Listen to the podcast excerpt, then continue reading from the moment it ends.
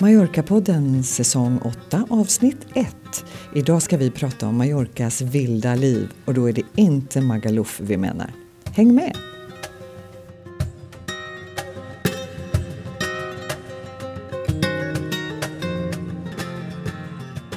Hej Ulf! Hej Ina! Hur är läget? Jo tack. Jag sitter nu på västkusten och njuter av den sista sommarvärmen. Ja, ah, gud vad mysigt. Och när du säger västkusten så är det inte Mallorcas västkust vi pratar om? Nej. Jag säger dock inte tyvärr för det är rätt så skönt här också. du, jag, jag, jag sitter ju på östkusten, eller egentligen sitter jag ju på Ölands västkust. Aha.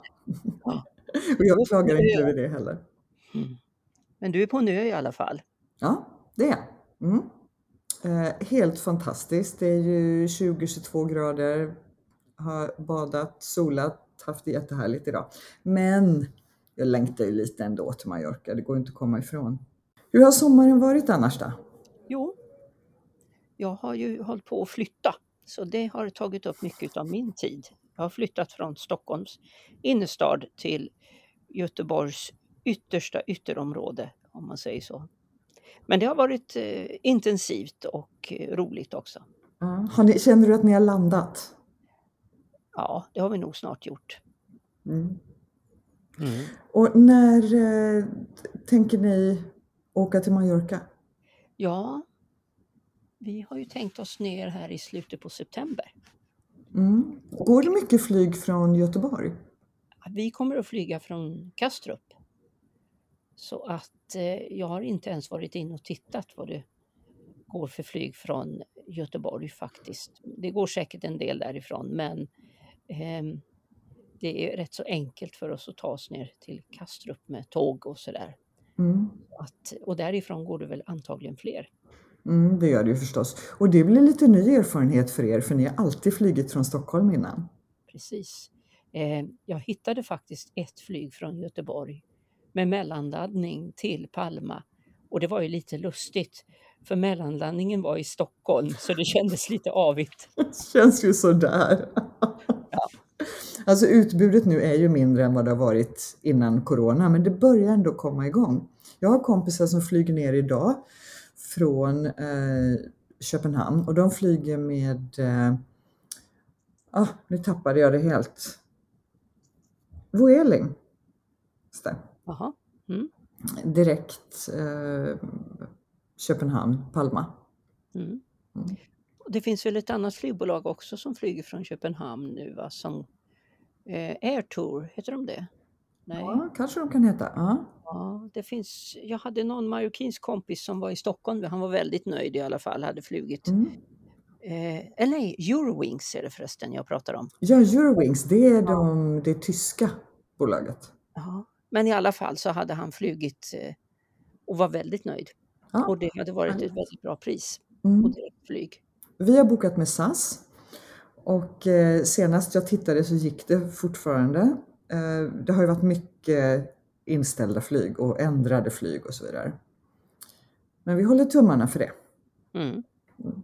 Vad längtar du mest efter när du tänker på Mallorca? Ja, eh, jag längtar mest efter tystnaden i våran lilla by och tupparna som gal och fåren som bräker. Det är faktiskt så. Ja, men nu bor du ju på landet själv, ja, även i Sverige. Det, är, det lustiga är att vi flera gånger har sagt att herregud, här är ju nästan som att bo i Alarå. För vi kan höra hundar som skäller och tystnaden som lägger sig på kvällen och sådär. ja. Mm. Men då? Vad längtar du till? Uh, ja, men jag längtar efter att få gå på riktigt bra restauranger. Det är jag jättesugen på. Och sen så längtar jag efter morgonpromenaderna på strandpromenaden i Palma. Ja, jag kan förstå det. Det går ju alltid varje morgon och det, det är en sån där sak som jag tycker är, det ger energi för hela dagen. Fint. Ja. Så eh, det är det som står på min lista. Och så lite, alltså göra lite utflykter på ön, vandra. Det är ju mysigt också. Mm. Ja du, ni kommer att vara nere ett tag då förstår jag också? Ja, planen är att vi ska vara nere fram till jul. Till eh, ja, december någon gång, mitten? Ja, mitten Ja. på december. Mm. Ja, vi, åker, vi åker inte heller hem förrän sista november åker vi hem. Så då ses vi säkert där nere. Ja, härligt! Mm. Du, idag så tänkte vi att vi skulle prata lite om eh, Mallorcas vilda liv. Och då tänker jag inte på Magaluf. Nej, just det. Och visst är det väl så att det kommer något, eh, något, något tv-program något liknande som kommer att handla om det här, eller? Ja, men det är ju jätteroligt. Man kan ju nästan tro att Mallorca-podden har ett samarbete med eh, TV. För Kunskapskanalen kommer att visa fyra avsnitt som handlar just om Mallorcas vilda liv. Eh, jag har för mig att det första skulle visas den 5 september, så det är ju alldeles snart. Mhm, mhm. Så då förbereder vi lyssnarna här nu lite grann kanske. Ja, precis. Vi får väl se om det stämmer överens. Det vi har sagt och påstått. Finns det några farliga djur på Mallorca? är ju en fråga som man faktiskt får ibland av sina goda vänner som kommer ner. Är det något jag ska se upp med när jag vandrar här på stigarna eller tränger mig fram ner mot stranden mellan snåren och buskagen? Ja, det, det frågar ju folk och jag har tänkt det själv också när man är ute och vandrar. Eh, ormar är ju inte mitt favoritdjur. Eh, och jag har aldrig sett någon på Mallorca heller. Nej. Men det finns. Ja visst, det finns väl två sorter som eh, snokar omkring i eh, gräset va? Och har du flyttat till Göteborg nu eller? ja, men jag har faktiskt lärt, eh, läst mig till att det finns eh, två stycken. Och den ena lever i vattnet och det tycker jag låter jätteobehagligt. Uh. Men jag antar att på badstränder där folk är och plaskar och far så trivs de inte särskilt bra. Jag tror inte det är någon saltvattenssnok, nej. Nej, eller hur? Nej. Och sen den andra lever ju på, på land. Men eh, jag läste att det har kommit in en tredje, något som heter hästskosnok som lever uppe i bergen. Eh, rikt, kan leva på riktigt höga höjder och gillar, du vet, där det är de här stenrösen och sådär. Mm. Eh, men ingen av dem är farlig för människan. Visst är det så att den här vattensnoken, den är lite huggormslik faktiskt. Den har eh, lite rektangelformade tecken på ryggen och som kan upplevas som lite zigzag. Ja, nej, men precis. Men man behöver inte få panik liksom och tro att det är en huggorm. De är bra för mycket också, det ska man ju veta. Ja, jag har lite svårt att se det på det sättet. Det har du? Ja. Mm, faktiskt. Men eh, jag, så blev jag förvånad också när jag började rota i det här och såg att det finns skorpioner. Just ja. En liten skorpion som kallas Escorpion amarillo, Amarillo och det betyder att den är... lite gulaktig. Ja, Mhm.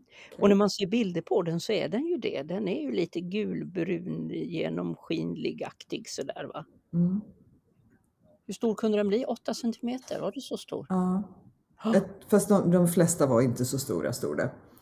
Eh, jag tänker att jag hoppas att jag slipper stifta bekantskap med den också. Mhm. Mm. Men den var väl inte så farlig heller? Man Nej. kunde bli sprungen av den men det var väl inte så illa? Att det, det gör ont liksom, men Mm. det, man behöver inte åka till sjukhus. Men däremot finns det någonting som är lite lurigt va? Du tänker på processionslarven?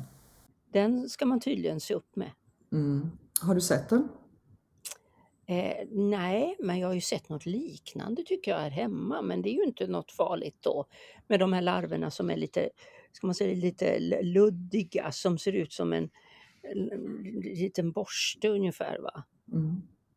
Men nu när du kommer att vara eh, mycket mer på Mallorca och framförallt då i februari-mars så kommer du att se den. Jaha, De, alltså de är överallt och framförallt är det ju, det beror lite på vädret eh, när de är, men februari-mars absolut. ja. Och de är alltså de är ganska små, kan de vara, 2-3 centimeter, helt luddiga. Och så kopplar de ihop sig med varann i långa, långa processioner som kan vara alltså en, två, tre meter långa.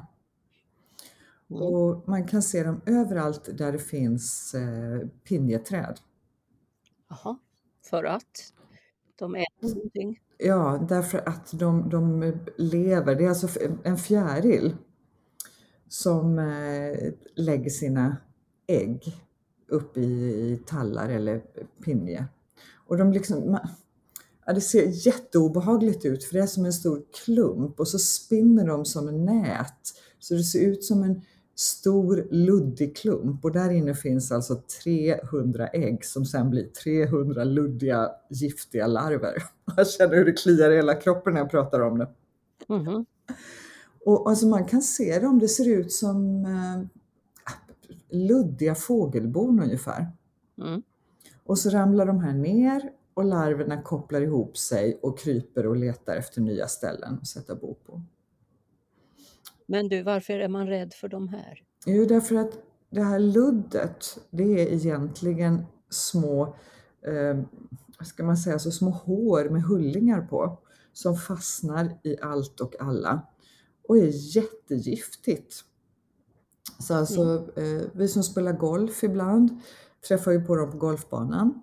Jättelätt att eh, bollen eller klubban rör vid det här och så rör du själv med händerna på bollen. Och det, alltså det kliar och blir som små vita blåsor eller utslag.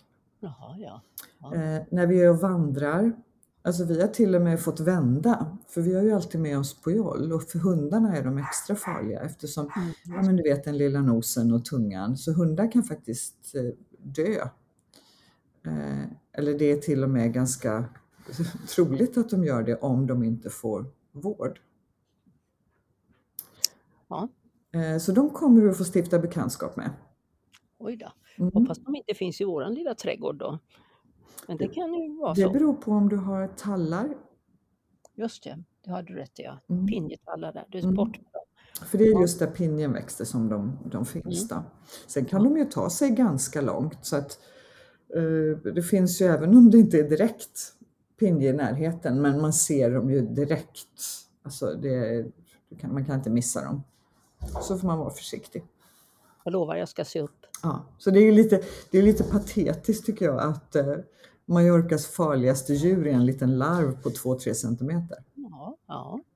Det är som när jag är i USA och eh, det som de varnar mig mest för när jag är ute och vandrar med mina släktingar i Kalifornien. Det är the poison oak. Det är ju liksom också, de- den ska man vara lite försiktig med bladen på en ek. Ja. Att lära sig känna igen den, för den kan också då ställa till det verkligen för en. Va? Mm. Ja, det, man, man, säger, man tänker ju farliga djur, ja, lejon. liksom. Ja. Men det farligaste djuret på jorden är väl en groda? Va? Det är väl den som är den giftigaste, är det inte det? Eller? Ja, ja, jag som är lärare och som har umgåtts med barn som älskar, du vet, högst, längst, kortast, djupast och giftigast. Jag har i alla fall fått höra den historien, den, de, någon liten groda som man behöver bara nudda vid så dör man. De finns inte på Mallorca. Nej. Nej, härligt. Ja. Men du, det, det där var de farliga djuren. Om vi går över till lite mer roliga djur. Vad har vi då för någonting? Finns det några överhuvudtaget inhemska däggdjur på ön som har, liksom är speciella för Mallorca? Jag läste någonstans om att det faktiskt har funnits en liten get på ön eh, men som dog ut när människorna kom för den var liksom inte, den var inte rädd för människor. Men när då, de första människorna kom till Mallorca så fanns den där lilla geten där som var eh, en halv meter hög, en väldigt liten get. lite som vår hund.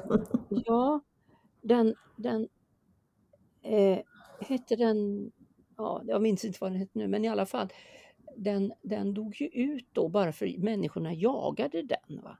Och varför den fanns i sin tur på ön och hade utvecklats så speciellt, det berodde på att då för väldigt länge sedan så var Medelhavet torrlagt Och då var liksom Mallorca en del utav någon kontinent som fanns. Va? Och sen så bröt vattnet igenom i Gibraltarsund och dränkte då hela den här dalen som Medelhavet var. Och de höga topparna då, liksom, där trängdes då några djur ihop sig och blev isolerade och då är det då den här lilla geten som fanns. Mm. Men den finns ju inte kvar. Men man tror däremot att den här Cabrafina har sitt ursprung den här eh, bruna vildgeten som man ser uppe i bergen. Som faktiskt är väldigt vacker.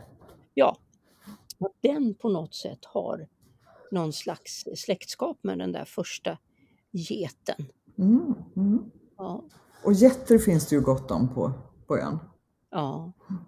Det är dock så, det är ett litet problem för dem för det, getterna de äter ju allt. va. Så det kan bli problem med, med vegetation och sånt här. De käkar liksom upp allting. Mm. Och då är det inte den här cabrafina som man pratar om. Den finns det inte så många exemplar utav men däremot den här förvildade sortens getter och, och, och, de blandar sig med varandra dessutom va? Mm. och får tydligen fertila avkommor och så vidare. Så att, eh, Man är väl Ja. lite orolig för att den här cabrafina ska, ska försvinna så att man, man försöker vårda den nu. Och, ja, eh, jag hörde också att den är väldigt populär bland eh, jägare.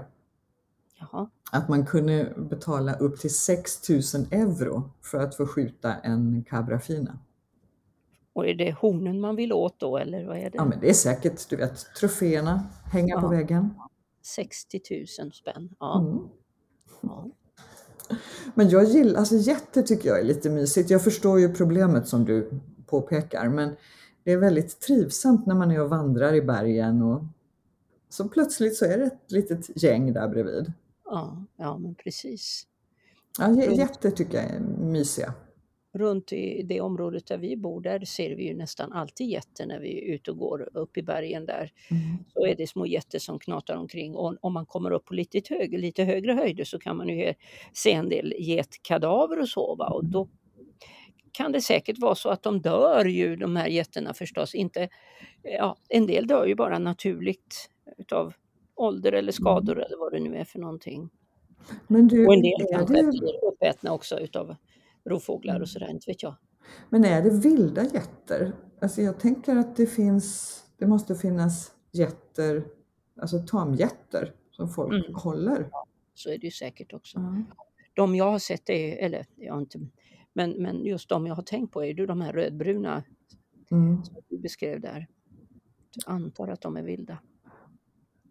Ja, getter finns det väldigt gott om, runt en 20 000 på ön.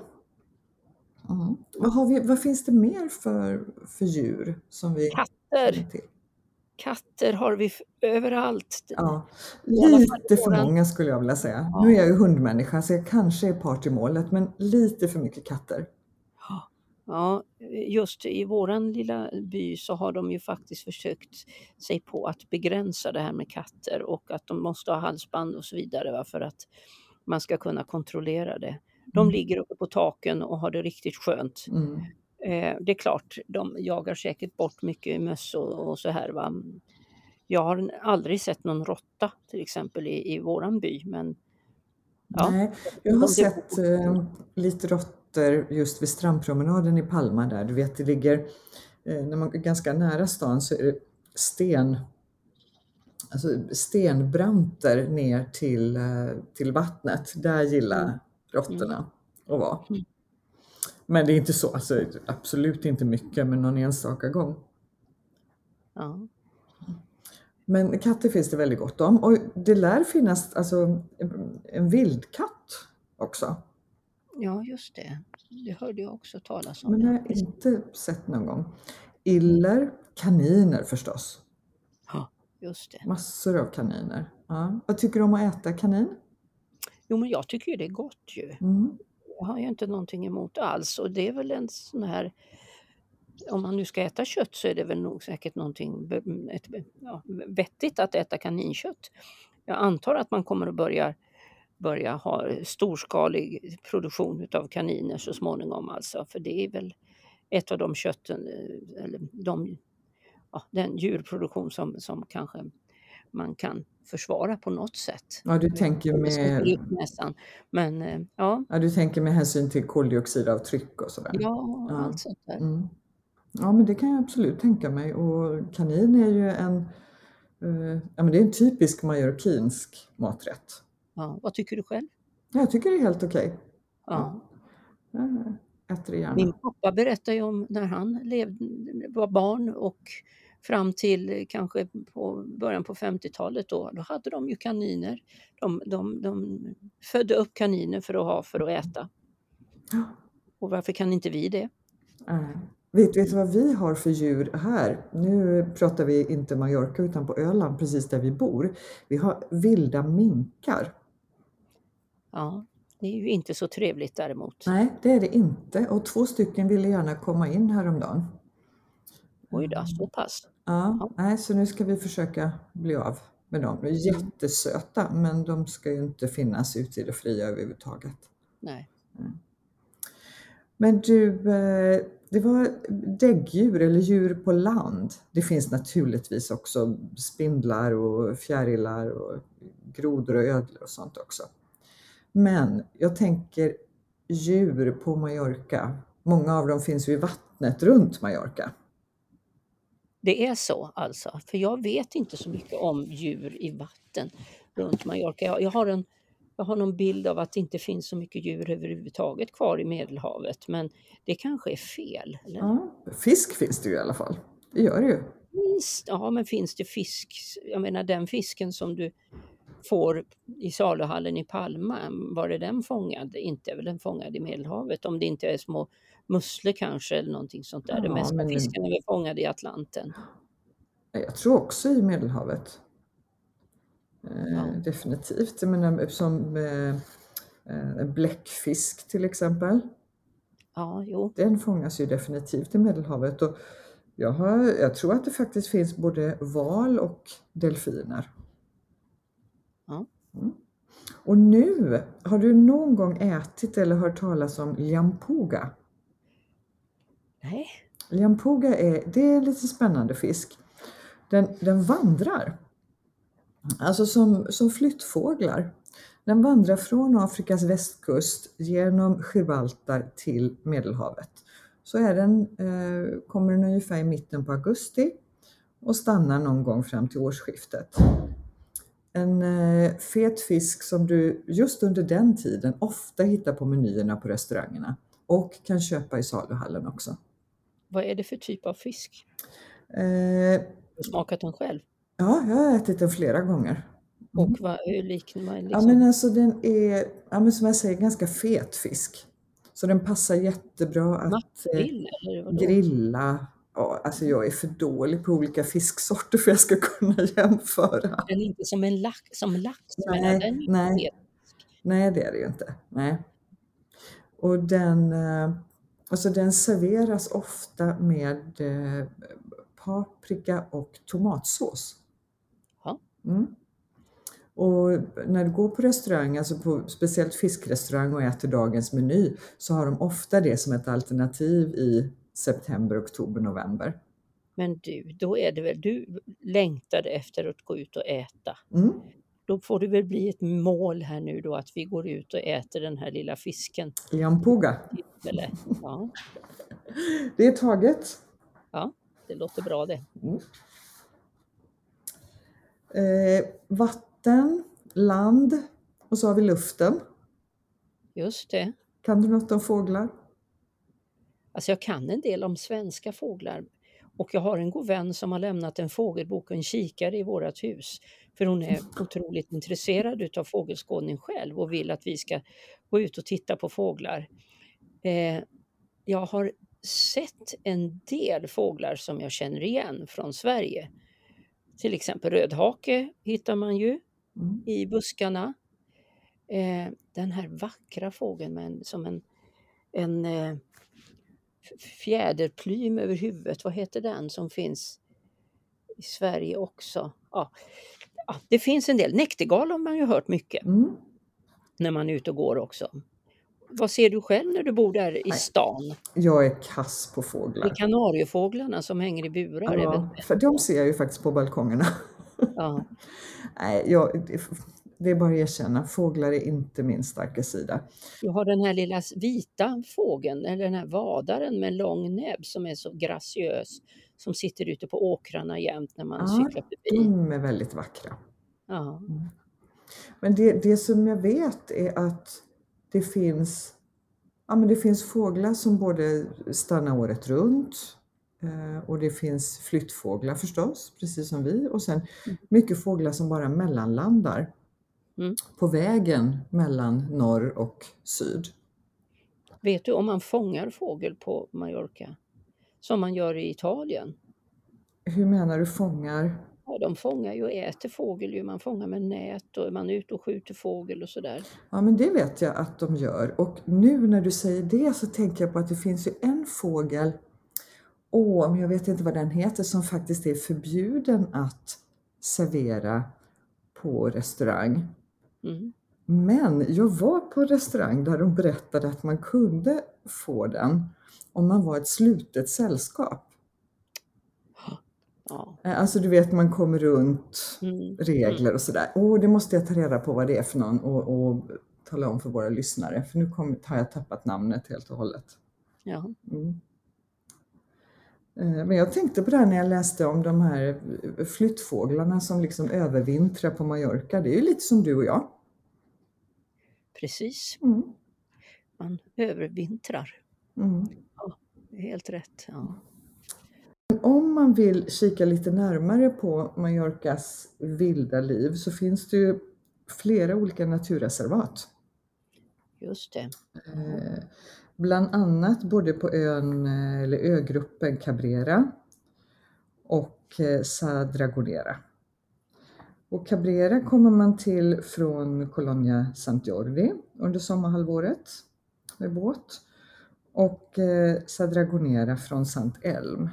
Och den ligger ju väldigt nära så är man i Sant Elm så ser man ju väldigt tydligt ön. Vi har tänkt så många gånger att vi skulle göra en utflykt dit men det har liksom aldrig blivit av.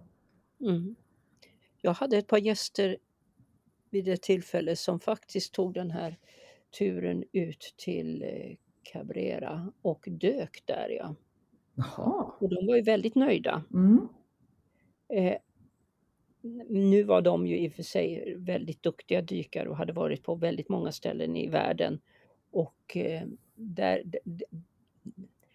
det kunde de, det här stället ju inte mäta sig med, men de var väldigt nöjda med själva turen i sig. Va? Mm. Mm. Ja, kul.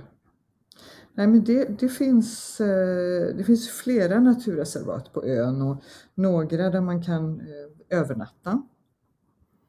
Flera uppe på, på norra kusten som är extremt populära bland fågelskådare. Just det, du har väl den här stora sankmarken va? Ja. söder om eh, på Jens, eller i närheten av eh, Ja, söder om Alcudia va? Ja, precis. Mm. Söder om Alcudia ligger det väl, ja precis. Man åker ju igenom där ibland. Det är ett väldigt stort och vidsträckt område och då tänker man denna lilla ö ändå, va? Mm. att den innehåller så många olika typer utav, utav natur och områden. Va? Det här är ju rätt så, det här är ju rätt så öde egentligen dessutom. Jag tycker det är helt underbart. Jag träffade faktiskt så sent som idag bara en man som berättade att hans han hade varit med sin, nu, han var betydligt äldre än jag och han hade varit på Mallorca med sina svärföräldrar någon gång på 50-talet. Och då hade de varit på en jättehärlig öde strand nästan helt utan bebyggelse.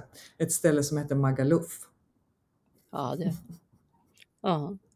Härligt! går snabbt. Ja. Och man ska ju veta för alla de som tror att Mallorca är Magaluf att det är så otroligt mycket mer. Ja.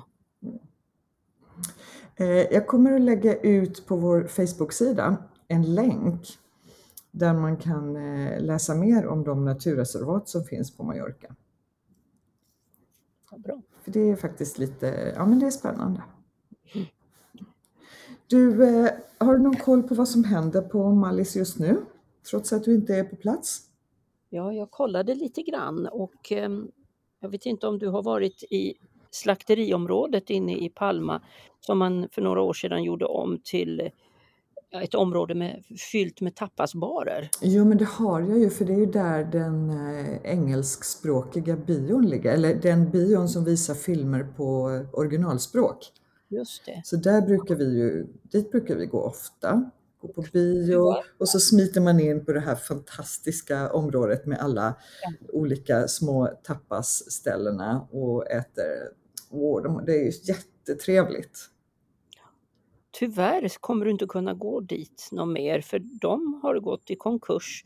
De har varit stängda nu under pan- pandemin och det är ju det som gör då att de inte kan ha öppet. För den typen utav servering och så som de har den är, fungerar inte riktigt med de här reglerna som finns.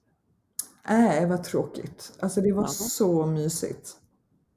Annars blev jag lite förvånad när jag läste på om just reglerna som gäller nu Mm. Kring det här med pandemin och avstånd och sånt här. Det är nya covidregler nu från den 30 augusti men bara till den 6 september. Och det låter ju lite lustigt då när man säger det. Alltså, man, munskydd är fortfarande, obligatoriskt om man tror att man inte kan hålla en och en halv meters avstånd till folk. Okej. Ja. Det är utegångsförbud mellan 02 och 06. Det känner inte jag att det påverkar mig jättemycket. Du får inte heller vara och bada på stränderna mellan klockan 10 på kvällen till klockan 6 på morgonen. Jag tycker jag känner mig rätt safe där också. Men nu blir det lite svårare genast. Man får inte vara fler än åtta vid bord om man sitter inne och äter på en restaurang. Okej. Ja, Inte fler än åtta. Mm. Det händer ju att jag är... kanske det funkar. Mm. Liksom.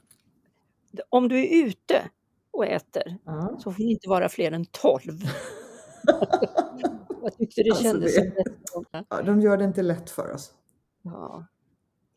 Nej, men annars så är det också, läste jag om, att det finns något eh, damm, som, alltså damm som flyger i luften från Afrika som har varit lite extra mycket av det där dammet. Det lägger sig på bilar och så här, så det är då man ser det antar jag, eller när man torkar av sig om man varit ute väldigt länge och gått eller vad det nu kan vara för Ja, någonting. just det. Mm. Det här dammet då är lite mer nu än vanligt på grund av klimatförändringar. Mhm. Ja. Alltså det är, det är inte så roligt det där. Eh, jag, alltså det är nästan som ett, ja, det är kanske så fint som damm, men det är väl egentligen sand. Ja, Eller Det är väl väldigt, väldigt väldigt, fin väldigt, sand. väldigt. Mm. och då kan jag ju ändå säga då, vi har ett gäng som eh, kanske då trotsar och försöker motverka klimatförändringarna lite grann här och det tre svenskar som just i dagarna är på väg att cykla till Mallorca. Det kanske kommer att bli någonting. Det är tre goda vänner i, i, i 60, i, runt 60-årsåldern som har tänkt sig att de ska cykla till Mallorca och då får det ta fyra veckor. Då cyklar de å andra sidan 12 till 18 mil om dagen och de cyklar inte den rakaste vägen för de vill även kunna njuta av livets goda. De räknar med att eh, det ska ko- kosta dem ungefär 1000 kronor dagen med boende och mat. Mm. Eh, det är ungefär 350 mil de ska cykla till Mallorca. Det kanske blir framtidens melodi. ja. Eh, jag Mm. tycker att det låter jättetrevligt allting förutom just den där cyklingsdelen. Eh, Jag tror att man kan gå in och se deras eh, framfart eller hur långt de har hunnit och sådär om man går, in på, går ut på nätet och kollar. Ja, vi kollar de upp det så kanske vi kan lä- länka på vår eh, Ja, Facebook-sida. Eurocycling Tour 2020 tror jag det står eh, att de kallar sig. Mm. Och de försöker med det här stötta Diabetesfonden. Okej, ja, då, Mm. då går vi upp och kollar och ser om vi kan eh, länka Ja. till det. Ja, roligt, kul. Det, jag är jätteglad att det finns andra som gör sådana roliga saker. Ja, ja, verkligen. Och just det här med att det, det tänker man ju en hel del på. Klimatförändringarna och vad har man för rätt att ta sig, eh, 350 mil för att få njuta av en ö, liksom, sitta på flyg fram och tillbaka och så vidare. Eh, alternativen börjar man i alla fall fundera på, tåg och så vidare. Va? Vi har ju kollat upp det vid ett par tillfällen och än så Mm. länge så är det verkligen inget alternativ överhuvudtaget. Nej, Eh, nej, Det var jättesvårt att få ihop och otroligt dyrt. Ja. Eh, Nu, men kanske, att, kanske att det försvårade lite för oss eftersom vi har hund med oss då. Mm. Att det blev eh, lite extra dyrt och krångligt. Mm. Men om man ser det som ett äventyr, liksom att det inte bara blir en transport utan att det blir en resa i sig. Precis, det är väl så man ska tänka. Ja.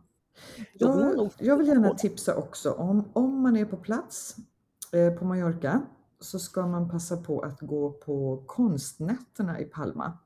La Nit del Art. I, det är för 25 året i rad mellan den 16 och 18 september. Och det brukar vara jättetrevligt. Det är öppna gallerier och guidningar och ja, eh, väl värt ett besök. Jag kommer att lägga upp en länk till det också. Jag har varit runt och hakat på alltså, guidade visningar vid ett flertal tillfällen. Eh, Och innan vi slutar så vill jag också tipsa om att ni ska gå in på Mallorca-poddens hemsida. För där har nämligen Helena lagt ut eh, Mallorcas bästa takbarer 2021. Och jag kan, jag kan lova att hon och hennes man har gjort seriösa studier. Det finns inget slumpmässigt överhuvudtaget över den här listan. Hej. ja, Du, med här, smaken av en eh, Aperol Spritz eller en Cava Sangria. Ska vi eh, avsluta där? det låter väl som det är ett perfekt tillfälle till det. Så ses vi om två veckor. Det gör vi. Hej då! Hej då! Du har lyssnat på Mallorca-podden. På vår Facebook-sida så hittar du alla avsnitt och under varje avsnitt så hittar du länkar till det vi har pratat om. Gillar du Mallorca-podden så får du gärna berätta det för dina vänner.